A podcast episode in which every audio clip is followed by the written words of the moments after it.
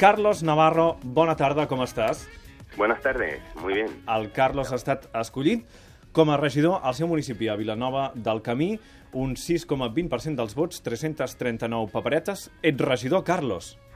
Pues sí, sí. ¿Estás y contento? lo primero- Sí, bueno, estamos todos contentos. eh, estamos contentos porque decide estar en el ayuntamiento. Estamos muy contentos y satisfechos 339 personas, el 6,20% de la población de Vilanova del Camí ha confiado en nosotros, ha depositado su voto, que es una de las únicas herramientas y de las pocas armas que tenemos los ciudadanos en democracia.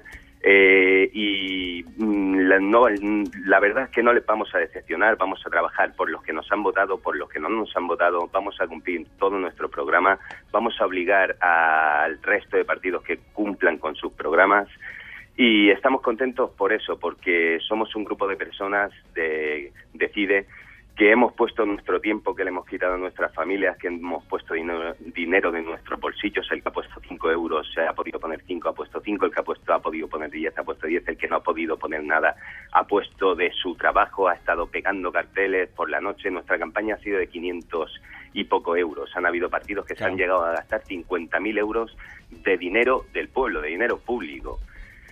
Otros partidos que han puesto también muchísimo dinero y después nos iban tapando los pocos carteles que nosotros poníamos por las noches después de trabajar y pagados con nuestro bolsillo. Pero bueno, aún así ha habido una buena respuesta. Eh, de todas formas, si hay gente que aún quiere un alcalde que o una alcaldesa, en este caso, que cobre casi 4.000 euros, 3.000 y pico euros, mientras que en este pueblo hay niños pasando hambre o gente buscando eh, comida entre los contenedores de basura y, y el ayuntamiento se hace, se hace el ciego. Dicen que no, que esa gente son del servicio de limpieza caravan de paisanos, ¿sabes? Mientras se siga pasando esto y la gente les vote, pues bueno, pero suerte que ahí está decide que ahora estamos dentro del ayuntamiento para eh, luchar con todas, contra todas esas injusticias. Carlos, tu estàs molt acostumat a participar a tertúlies en televisió i, eh, en fi, la capacitat de paraula és claríssima, com acabes de demostrar amb aquesta resposta que ens has fet. Què creus que és més difícil, participar en un ple municipal o en una tertúlia de televisió?